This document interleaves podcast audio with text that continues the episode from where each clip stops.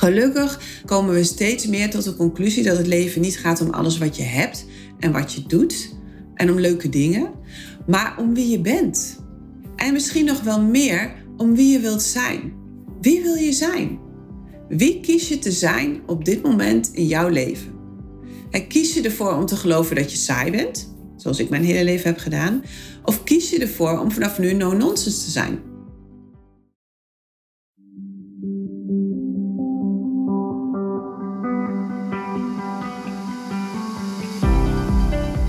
Welkom bij de Eetgeluk Podcast met Eetgeluk-expert Carola van Bemmelen, waarin je leert hoe je weer een relaxte relatie kunt creëren met eten. Door middel van het managen van je oerbrein en het kiezen van me first.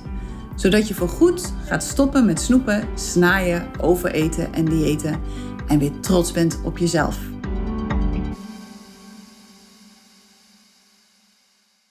Dag mooie vrouw, hoe is het met je? Met mij gaat het weer goed. Ik ben uh, de afgelopen week behoorlijk ziek geweest. Net als Danny en net als Joshua. We lagen hier met z'n drie op de bank. Te goed om in bed te liggen en te slecht om ook nog maar iets te doen. En ik sprak een buurvrouw in het zaalhuis. Waarschijnlijk is het corona geweest. En het grappige is, we zijn... Vorige week hadden we een feestje met de buurt. Want dat doen we hier ieder jaar. En dat doen ze om het golfseizoen af te sluiten. Er was ook nog een, een golftoernooi in de stromende regen. Maar goed, dat hebben we maar even overgeslagen dit jaar. Daar had ik niet zo'n zin in. En iedereen die op dat feest is geweest, is ziek geworden. En het was geen voedselvergiftiging, het was gewoon het coronavirus. Er was één persoon die was niet lekker in orde en die heeft gewoon de rest allemaal aangestoken. Zonder dat ze dat wist. En uh, ja, vervolgens was iedereen ziek. En het grappige is, want wat die Zweden dus doen, is dat ze die gaan naar buiten als ze ziek zijn. Als het even kan, gaan ze naar buiten. Frisse lucht, belangrijk. Frisse lucht is hier echt het medicijn voor alles.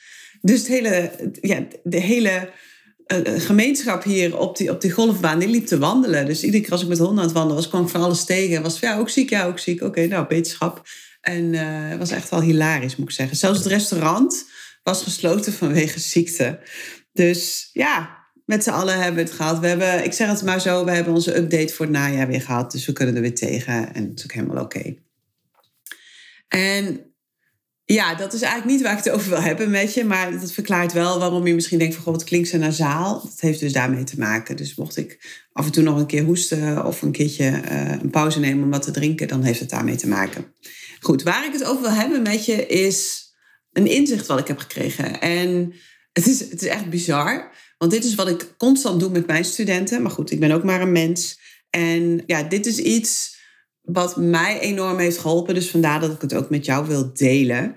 En nou goed, laten we gewoon beginnen. Ik had gisteren een gesprek met mijn coach. Want ook ik heb een coach. Ik heb zelfs meerdere coaches, omdat ik dat belangrijk vind. Ik zal niet zeggen dat ik aan elkaar hang van coaches, want dat is niet zo. Ik vind het ook wel belangrijk om gewoon mijn eigen ding te blijven doen en ja, zelf na te kunnen blijven denken. Maar ik laat mezelf wel regelmatig coachen. En dat is omdat ik het belangrijk vind om mezelf te blijven ontwikkelen. En want zeker wanneer je ouder wordt, is het belangrijk om jezelf te blijven stretchen. En jezelf te blijven uitdagen, met name wanneer je ouder wordt. Want we verzamelen steeds meer overtuigingen en ervaringen. En het gevaar bestaat dat je vanuit die overtuigingen en ervaringen gaat leven. Dus het is heel belangrijk om jezelf te blijven uitdagen. En dat is ook de reden dat ik ja, investeer in ja, de allerbeste asset die er is. En dat is mijn brein. En ik weet niet hoe dat voor jou is. Ik weet ook niet of je er zo over hebt nagedacht. Maar jouw brein is je belangrijkste vastgoed um, investeringsmiddel. Niet je huis, niet je auto, niet je bankrekening, maar je brein. Dat is het meest waardevolle dat je bezit. En want jouw brein geeft vorm aan je hele leven. Alles dat je ooit hebt gecreëerd, maar ook alles dat je ooit gaat creëren, het begint allemaal in je brein dus je huis, je auto, je huidige bankrekening. Alles is een exacte weerspiegeling van de overtuigingen die leven in je brein. Het begint echt allemaal in je voorstellingsvermogen, in je vermogen om te dromen. En in het vermogen om in jezelf te geloven. Dat is ook wel heel erg handig hoor. Maar ook in het vermogen om door te gaan terwijl je nog niet ziet. want dat is waar veel mensen stoppen. Die kijken naar wat ze willen doen. Ze zien dat er nog niks gebeurt en ze stoppen. Maar daarin speelt ook de kwaliteit van je brein een hele belangrijke rol.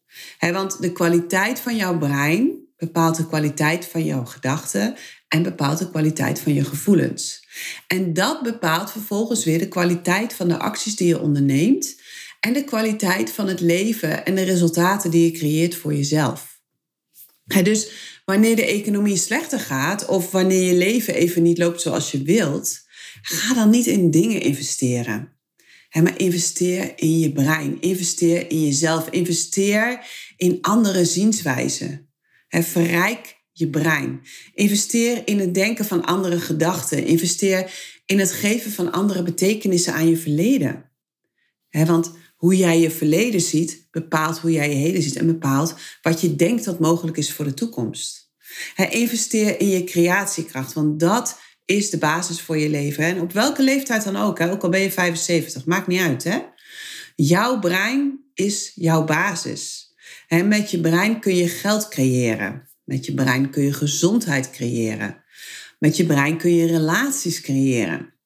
Met je brein kun je een bedrijf creëren. Je kunt er een boek mee schrijven. Je kunt kunst creëren. Het maakt niet uit waar je blij van wordt. Jouw brein is de basis. dus leren hoe je het kunt managen betekent dat je de sleutel te pakken krijgt tot een rijk en vervullend leven. En ook dan, hè, ook als jij jouw brein kunt managen, zullen er dagen zijn dat je denkt, jugg, zal het leven soms echt kloten zijn. Maar je bent weerbaarder. Je bent weerbaarder in je hoofd. En daardoor kun je anders met dingen omgaan. dus om die reden investeer ik ieder jaar opnieuw minimaal een nieuwe keuken aan waarde aan coaching. Ik investeer in mijn brein omdat ik weet dat wat ik daarin stop uiteindelijk tien keer terugkomt in de vorm van een grotere kwaliteit van leven. En ook omdat ik ervan hou om de diepte in te gaan. Ik hou ervan om mezelf beter te leren kennen. En ik geef toe, dat is niet altijd leuk. Zeker niet wanneer je een man hebt die er ook nog van houdt. En die ook nog eens ontzettend wakker is. dus we dagen elkaar regelmatig tot op het bot uit.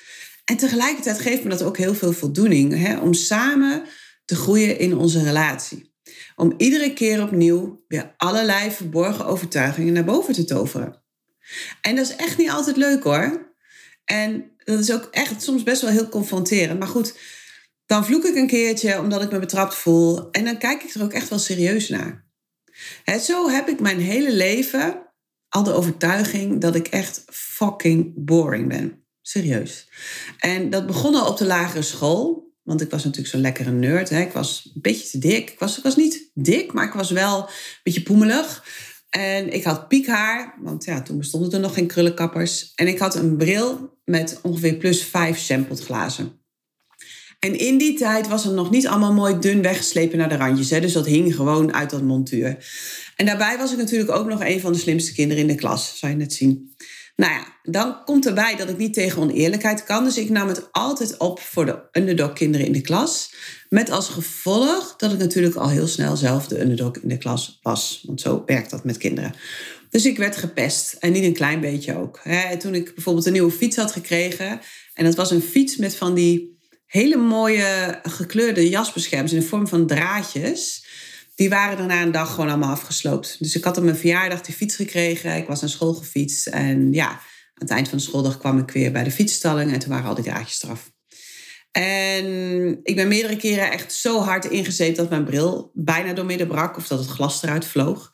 Nou ja, goed, zo was er natuurlijk nog veel meer ellende. En ik had één, één groot voordeel. Tijdens de proefwerkweek wilde iedereen wel graag naast me zitten. Nou ja, goed. We weten allemaal waar dat vandaan komt.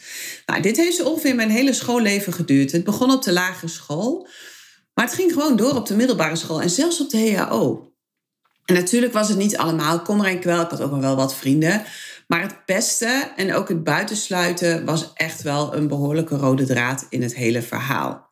Zeker wanneer ik uitkwam voor wat ik vond en voor wat ik dacht, werd ik heel vaak buitengesloten. En dat heeft natuurlijk wel een effect op hoe je je gedraagt in de rest van je leven. En nu ik daar achteraf op terugkijk als de persoon die ik nu ben, snap ik het ook wel. Weet je, ik zag de dingen toen natuurlijk al anders dan de meeste mensen dat doen. En dan ben je al heel snel een outcast ik hield bijvoorbeeld niet van uitgaan. Ik hield echt niet van dom gelul over dingen die nergens over gingen. Zoals de meeste leeftijdsgenoten natuurlijk wel deden. En ja, daarbij dronk ik geen alcohol. Dat doe ik trouwens nog steeds niet. Ik vind het gewoon echt niet lekker. En ik begrijp het ook niet. Hè? Ik bedoel, wie gaat er nu vrijwillig bedorven vruchtensap drinken en daarna een hele dag rondlopen met een verdoofd gevoel of met hoofdpijn? Niet mijn ding. Ik hou mijn brein liever helder.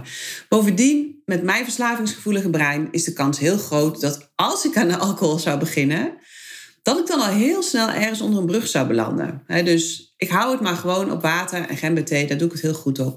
En dat vind ik helemaal lekker.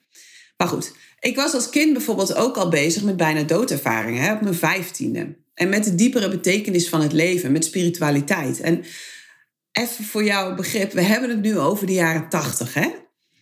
Niet over nu. Nu is dat veel normaler. Maar in de jaren tachtig was dat voor de meeste mensen echt nog een ver van een bedshow. Ik las bijvoorbeeld boeken als De Celestijnse Belofte. En vanuit daar schoot ik door naar de boeken van Anthony Robbins over NLP. En ik verslond ze, omdat het voor mij zo ontzettend klopte. Want je kunt echt zelf je leven creëren. En er is echt maar één ding dat staat tussen jou en jouw dromen. En dat is je brein. En het feit dat je nooit hebt geleerd hoe het werkt en hoe je het kunt managen. We hebben alleen maar geleerd hoe we kunnen onthouden. Maar we hebben nooit geleerd hoe we ons brein kunnen gebruiken om te creëren. Nou goed, intussen zat ik avonden achter elkaar te breien op de bank. Want dat vond ik gewoon lekker. Of ik was aan het lezen, of ik was buiten in mijn tuintje aan het rommelen. Ik had een piepklein tuintje. Maar dat was wel zo'n beetje wie ik was. En ik leukte mijn leven op met eten. Nou, eten was er altijd om het leven wat leuker, wat spannender te maken. Dat is hoe ik mijn studententijd door ben gekomen. Door vooral veel te eten. Nou goed, even terug naar die coach. Met mijn coach had ik het over social media. Want social media, ik vind het gewoon niet wat. Ik vind het echt verschrikkelijk. Uh, en gelukkig ben ik niet de enige. Ik weet dat er heel veel ondernemers zijn die er niet veel mee op hebben. Maar ja, ik moet aanwezig zijn daar vanwege mijn bedrijf. er zijn nou eenmaal heel veel vrouwen die mij vinden via Facebook en Instagram. En dat is belangrijk. dus mijn social media planner zegt dan: Kom, Corolla, laten we wat reels gaan doen. Dat is leuk. En dan denk ik, ja, hoezo leuk? Iedere keer als ik daaraan denk, dan schiet ik gewoon totaal een kramp. Want weet je, wat moet ik daar dan vertellen? Wat moet ik dan doen in zo'n reel? Maar ook, waarom? Weet je, mijn leven is gewoon echt fucking boring. Echt serieus. Ik sta op, ik loop hier met de honden een rondje over het park. Nou, dan kom ik terug, dan eet ik wat ontbijt of ik eet niks. En dan ga ik aan het werk. Ik eet tussendoor nog een keertje wat. En dan ga ik nog meer werken. Nou, vervolgens is het een uur of drie. En inmiddels is het natuurlijk najaar. Dus dan moet je echt wel naar buiten hier. Want anders is het stikken donker. Dus dan ga ik maar weer met de honden lopen. Daarna kook ik eten. En dan kijken we een beetje tv. Of ik haak wat. Of ik lees een boek. En nou ja, dat is het wel zo ongeveer hier. Zo spannend is het niet hoor. Dus ten opzichte van vroeger is er eigenlijk helemaal niet zo heel veel veranderd. Maar ja, moet ik dat dan posten op social media, zegt mijn brein dan? Want wat voor reel gaat dat dan worden, weet je? Eentje van mij hakend of lezend op de bank. Ja, wie zit er nou op te wachten? Echt, wie zit er nou op te wachten? Aan de andere kant is dat niet het leven voor de meeste mensen van ons. we zijn altijd wel heel erg genegen om alleen de afwisseling en de uitzonderingen te posten. Maar is dit niet waar het voor de meeste van ons over gaat? En is er dan vervolgens niet dat knagende stemmetje in je dat zich afvraagt van ja, maar is dit het nou? Moeten we niet meer spelen? Moeten we niet meer plezier maken? En vervolgens gaan we dan maar eten in de hoop dat dit het plezier is waar we naar op zoek zijn. Zo was het voor mij tenminste de hele tijd. De ontevredenheid met de verwachtingen die ik eigenlijk had van mijn leven, maar dat het dan niet zo liep, maar dat het anders liep, zorgde ervoor dat ik dan uiteindelijk maar ging eten. Maar dan denk ik, waar komt dat vandaan? Waar komt het vandaan dat we altijd maar plezier moeten hebben? Die, dat idee. Dat is wel een interessante vraag. Het is echt een interessante vraag. Want zou het niet de bedoeling kunnen zijn dat je leven eigenlijk fucking boring is? Zou dat niet exact de bedoeling zijn? Want wanneer dat het geval is, is er veel meer ruimte voor jou. Er is veel minder afleiding van wie jij bent. Er is veel meer ruimte om te zijn en om te verbinden met jezelf. Om te verbinden met andere mensen om je heen. Om te voelen wat je voelt. Om te verbinden met de natuur en met het leven. En we zijn zo ontzettend bang geworden om onszelf te vervelen. En ik zie het ook aan de kinderen. Ik merk het ook aan mezelf. Toen Joshua hier kwam vanuit Nederland, was hij als de dood dat hij zich zou vervelen. Maar ja, het is Zweden. Er is hier gewoon niet zoveel afleiding als in Nederland. Dus uiteindelijk ontkom je niet aan jezelf. En ik sprak vorige week ook iemand waar ik een koffietje mee deed in Göteborg. En zij zei ook van ja, ik kwam uit Hongkong. Zij komt uit Hongkong. Ik was altijd onderweg. Ik was altijd bezig. Ik had altijd afspraken. Ik had altijd vrienden. En hier in Zweden, ze zegt, in het begin heb ik het heel moeilijk gehad. Maar uiteindelijk heeft het mij geleerd om met mezelf te kunnen zijn. Om het fijn te hebben met mezelf. En dat merk ik hier nu ook. Hè? En de ene keer vind ik dat fijn, de andere keer vind ik dat niet fijn. Ik hang daar nog een beetje tussenin. Ik ben hier natuurlijk nog niet zo lang als zij. Zij is hier al twintig jaar. Maar echt, wat ik natuurlijk ook heel veel heb gedaan, is dat zo gauw ik even niets te doen had, dat ik in mijn mobiel dook. En dat ik op Pinterest uren ging zitten turen naar haakpatronen en naar keukens. Trouwens, nu ik het toch over Pinterest heb, we hebben een gelukkige eten-account op Pinterest. Hè? Dus als je op Pinterest zit, dan kun je dat volgen. Maar dat is even als Lookie de Leeuw tussendoor. En die keukens waar ik nu naar zit te turen, die hebben echt wel een doel. Want in ons nieuwe huis zit een hele oude keuken die we uiteindelijk een keertje willen gaan opknappen. Maar goed, wat ik ook doe, is dat ik kijk naar jurkjes en naar schoenen die ik niet nodig heb. En in plaats van naar binnen, ga ik naar buiten.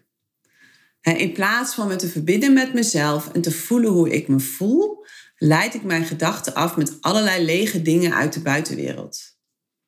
Die mij het gevoel geven dat er wat gebeurt in mijn leven. En uit frustratie ga ik vervolgens eten. Tenminste, dat is wat ik deed. Tegenwoordig doe ik dat eigenlijk bijna niet meer af en toe nog. Maar over het algemeen weet ik inmiddels dat me dat niet helpt. Dus vaak stop ik dan al na een paar happen. Want ik weet dat eten het gebrek aan verbinding met jezelf niet kan oplossen. eten is ook geen goed middel om frustratie of boosheid over jezelf op te lossen. Of om ontevredenheid met je leven weg te eten. Het is eigenlijk wel heel grappig, hè? want al die dingen die we doen om ons op de korte termijn beter te voelen, maken het probleem op de lange termijn meestal alleen maar groter. Ik weet niet of je dat al een keer hebt gezien, maar daar moet je maar eens op letten. Ah, fijn. Weer terug naar mijn verhaal. Het is echt zo'n gezellig uh, kletsverhaal inmiddels geworden, volgens mij. Maar goed, maakt niet uit. Ik was dus in gesprek met mijn coach en we hadden het over mijn social media fobie en mijn ik ben zo boring verhaal in mijn hoofd. En ze vroeg aan mij of ik misschien een ander woord zou kunnen bedenken voor saai. Nou goed, ik moest even denken, maar uiteindelijk kwam ik uit op no nonsense. En dat past wel dat past wel, want ik ben eigenlijk helemaal niet saai. Ik ben no nonsense. Ik ben introvert. het is zo bijzonder hoe het werkt om een andere betekenis te geven aan mezelf. Om het oordeel dat ik mijn hele leven over mezelf heb gehad anders te gaan zien en anders te gaan benoemen. Om mij heel bewust voor te kiezen om mezelf niet langer meer saai te noemen, maar no nonsense. En echt serieus, ik had dit zelf kunnen bedenken. Maar goed, ik ben ook maar een mens. alle negatieve associaties die ik heb bij saai, die zijn ineens niet langer meer van toepassing. Ik kan ineens mijn voorheen saaie eigenschappen waarderen. Omdat no-nonsense voor mij een heel andere betekenis heeft. Ik vind het namelijk gaaf om no-nonsense te zijn. Ik hou van no-nonsense. Ik hou van eenvoudig. Ik hou van geen opsmuk. Ik hou van terug naar de basis. Ik hou van inhoud. Ik hou van de kleine dingen, van kijken naar wat er wel is, in plaats van naar wat er allemaal niet is en naar wat er allemaal verkeerd gaat. Dat is wat coaching kan doen. Hè? Dat is hoe krachtig een coach kan zijn. Hè, zelf zit je in de fles en zie je vaak niet meer wat je doet, waardoor je steeds opnieuw hetzelfde rondje loopt. Waardoor je keihard aan het werk bent en gewoon niet begrijpt wat je nu eigenlijk verkeerd doet. Maar het kan dus al in zoiets heel eenvoudigs zitten als in een woord dat je denkt over jezelf. In een betekenis die je geeft aan jezelf. En in mijn geval is dat het woord saai. En dat woord, dat oordeel dat ik meer dan 50 jaar, ik durf het bijna niet hardop uit te spreken, maar dat ik meer dan 50 jaar heb gehad over mezelf, heeft mijn hele leven gekleurd. Want mijn hele leven lang ben ik bezig geweest om vooral maar heel hard te bewijzen dat ik niet saai ben. Waardoor ik mezelf aan alle kanten heb verlogend en steeds meer kwijt ben geraakt. Ik heb allerlei dingen gedaan om vooral maar te laten zien dat ik niet saai ben. Dingen die helemaal niet passen bij wie ik eigenlijk ben. Keer op keer op keer ben ik mezelf voorbij gerend uit angst om saai gevonden te worden. zo heb ik bijvoorbeeld rond mijn dertigste mijn breinaalden opgeborgen, omdat ik niet langer meer een saaie doos wilde zijn. Ik vond het zo suf, dat gebrei. En pas rond mijn veertigste heb ik ze weer uit de mottenballen gehaald. En ik vond het heerlijk om weer lekker te kunnen prutsen op de bank. En zo heb ik de afgelopen jaren meerdere saaie delen van mezelf afgestoft. En gelukkig mag het nu ook steeds meer. Gelukkig komen we steeds meer tot de conclusie dat het leven niet gaat om alles wat je hebt en wat je doet en om leuke dingen, maar om wie je bent. En misschien nog wel meer om wie je wilt zijn. Wie wil je zijn? Wie kies je te zijn op dit moment in jouw leven? En kies je ervoor om te geloven dat je saai bent, zoals ik mijn hele leven heb gedaan, of kies je ervoor om vanaf nu no-nonsense te zijn? Het is bizar hè? hoe een betekenis, hoe een woord alles kan veranderen. Maar zo werkt het wel, want je kunt jezelf nu te dik vinden of sneu omdat je niet voldoet aan bepaalde verwachtingen die je hebt van jezelf, of omdat je niet voldoet aan hoe je denkt dat het hoort of zou moeten. En vervolgens kun je vanuit het gevoel van teleurstelling daarover je leven vorm gaan geven. Maar je kunt ook kijken voor jezelf hoe je dit anders zou kunnen formuleren. Wat zou een woord zijn dat je ook kunt gebruiken en waarmee je een totaal andere betekenis kunt geven aan dezelfde situatie? Hoe zou het zijn als je stopt met denken dat je te dik bent, maar in plaats daarvan bijvoorbeeld zou gaan denken: hé, hey, ik ben een mens. Of hé, hey, ik heb een gewicht. Hoe zou dat de kijk op jezelf veranderen? En waarschijnlijk gaat je brein nu helemaal los en zegt het: ja, maar cola, cola, cola, luister. Ik ben echt wel te dik hoor. En misschien is dat inderdaad ook wel zo. Misschien ben je echt veel te dik. Misschien ben je zelfs wel moddervet, volgens de huidige BMI-regels. Maar so what? Hoe helpt het je om dat keer op keer tegen jezelf te blijven zeggen? ik heb een vriend die het grootste deel van zijn leven veel te dik is geweest. En iedere keer als mensen dan tegen hem zeiden: Ja, je bent nu echt wel weer aangekomen hoor. Dan zei hij stevast: Ja, denk je dat ik dat zelf niet zie als ik in de spiegel kijk? Dat weet ik echt zelf ook wel. Dat hoef je me niet te zeggen. Ik ben meer dan mijn gewicht. maar door actief te blijven focussen op je gewicht, hou je het in stand en blijft het een deel van je huidige persoonlijkheid. Dus waarom zou je dat keer op keer naar jezelf gaan bevestigen? Je bent een mens en je hebt een gewicht. Je bent niet je gewicht. En je bent ook niet je gedachten over je gewicht. Je bent zoveel meer dan dat. En iedere keer dat je denkt, ik ben te dik, dan geef je aan je brein het signaal dat dit is wie je bent. Dat je gewicht onderdeel uitmaakt van jouw huidige identiteit. En hoe voelt dat? Hoe zou het voelen als je daar een andere betekenis aan gaat geven voor jezelf? Wat zou een andere gedachte kunnen zijn die je ook kunt denken? En waarmee je de focus gaat verleggen van je gewicht naar wie je wilt zijn. Wie zou je willen zijn? In mijn geval heb ik de focus verlegd van ik ben saai naar ik ben no nonsense. En iedere keer als mijn brein weer wil bewegen naar ik ben saai, dan bedenk ik nee, ik ben niet saai, ik ben no nonsense. En wat zou voor jou een ander woord zijn dat je zou kunnen gebruiken voor iets van jezelf waar je op dit moment niet zo blij mee bent? Wordt het niet eens tijd om te stoppen met denken dat je te dik bent? Of dat je niet goed bent met geld? Of dat je niet geschikt bent voor een relatie? Of dat niemand je wil aannemen? Hoe zou je vanaf nu over jezelf willen praten? Welk verhaal zou je vanaf nu over jezelf willen geloven? Echt serieus, ik spreek uit ervaring inmiddels. Het begint bij het veranderen van één woord. Wat is het woord dat jij graag zou veranderen? En ik geef je een paar voorbeelden om je op weg te helpen. Van saai naar no-nonsense. Van dik naar romig of naar goed gevuld. Van sneu naar dapper of zelfstandig. Van lelijk naar karakteristiek. Van chaotisch naar creatief.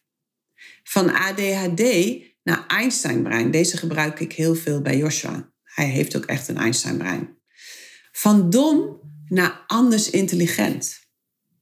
En ga eens luisteren naar hoe je praat over jezelf en haal die woorden eruit die niet goed voelen voor je en vervang ze eens door een beter voelend woord. Ga daar gewoon eens mee spelen en kijk eens wat er gebeurt. En dan beloof ik je dat je je heel anders gaat voelen over jezelf. Dat je heel anders gaat denken over jezelf en dat je daardoor ook andere acties gaat ondernemen. En dat er vooral heel veel rust gaat komen in jou. Dat je op dit stuk niet meer hoeft te vechten met jezelf. Oké, ik wens je weer een hele fijne week. Dank voor het luisteren. En je weet het, als je deze podcast leuk vindt, geef even een leuke review op Spotify. Want wanneer je dat doet, ja, dan zorgt Spotify ervoor dat die podcast gewoon bij meerdere vrouwen onder de aandacht wordt gebracht. En dat is natuurlijk wat we willen. We willen dat dieetspook, we willen de zelfhaat, willen we gewoon de wereld uithelpen. Dus doe dat gewoon eventjes. Kleine moeite, groot plezier voor mij en voor een heleboel andere vrouwen. Ik uh, hoor je volgende week weer. Tot dan.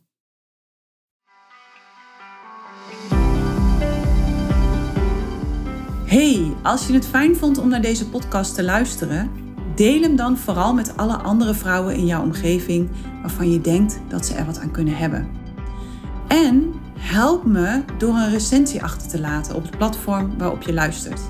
Laten we er samen voor gaan zorgen dat de huidige dieetmaatschappij gaat stoppen. Want dat is echt heel hard nodig. Wil je dat doen voor me? Ik reken op je.